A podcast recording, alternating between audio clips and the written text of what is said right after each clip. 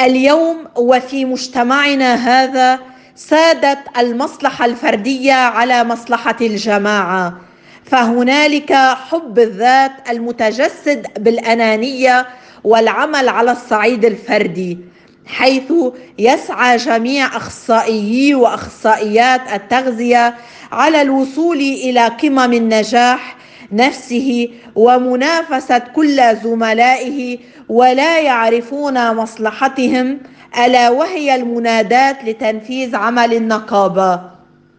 تحديد سن العمل الضمان الاجتماعي تعويض نهاية الخدمة التركيه الاجتماعية بعد سنين من الجهود المتتالية. كما إن لا نقابه حكما لا رقابة.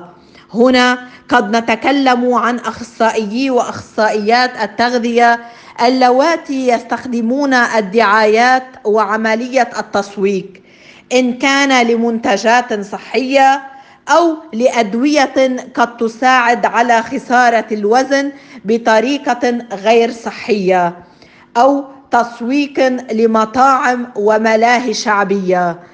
حيث يقومون بنشر صور لأطباقهم تحت اسم عياداتهم ويكون ذلك بهدف الحصول على مبلغ بسيط من المال أو على فكرة سوق لي لسوق لك.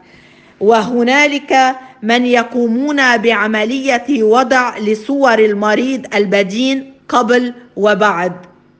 وهذا ما هو غير عملي وعمل غير سري ابدا. فدعايتك ليست على حساب أولئك الذين أمنوا لك ووضعوا صحتهم وأجسادهم بين أيديك. من هنا نصل إلى الفاجعة فاجعة الجزء الآخر الذين يسفهون الاختصاص إلى أقصى حد. يجعلون منه مسخرة وتفاهة. هم من يقوم بوضع نكت على البدينات ويحولون الموضوع إلى اضحوكه لكسب المتتبعين. أي بعض الأناس الذين يمكن أن يصبحون ذبائنهم المستقبليين. نعم نعم نعم. عار على مجتمع يدعي بالتطور والمعرفة والفهم أن يحول هكذا اختصاص مبني على التوعية والوقاية الغذائية أي على بناء أساس للصحة العامة إلى مزهله ومسخره وسفاهة.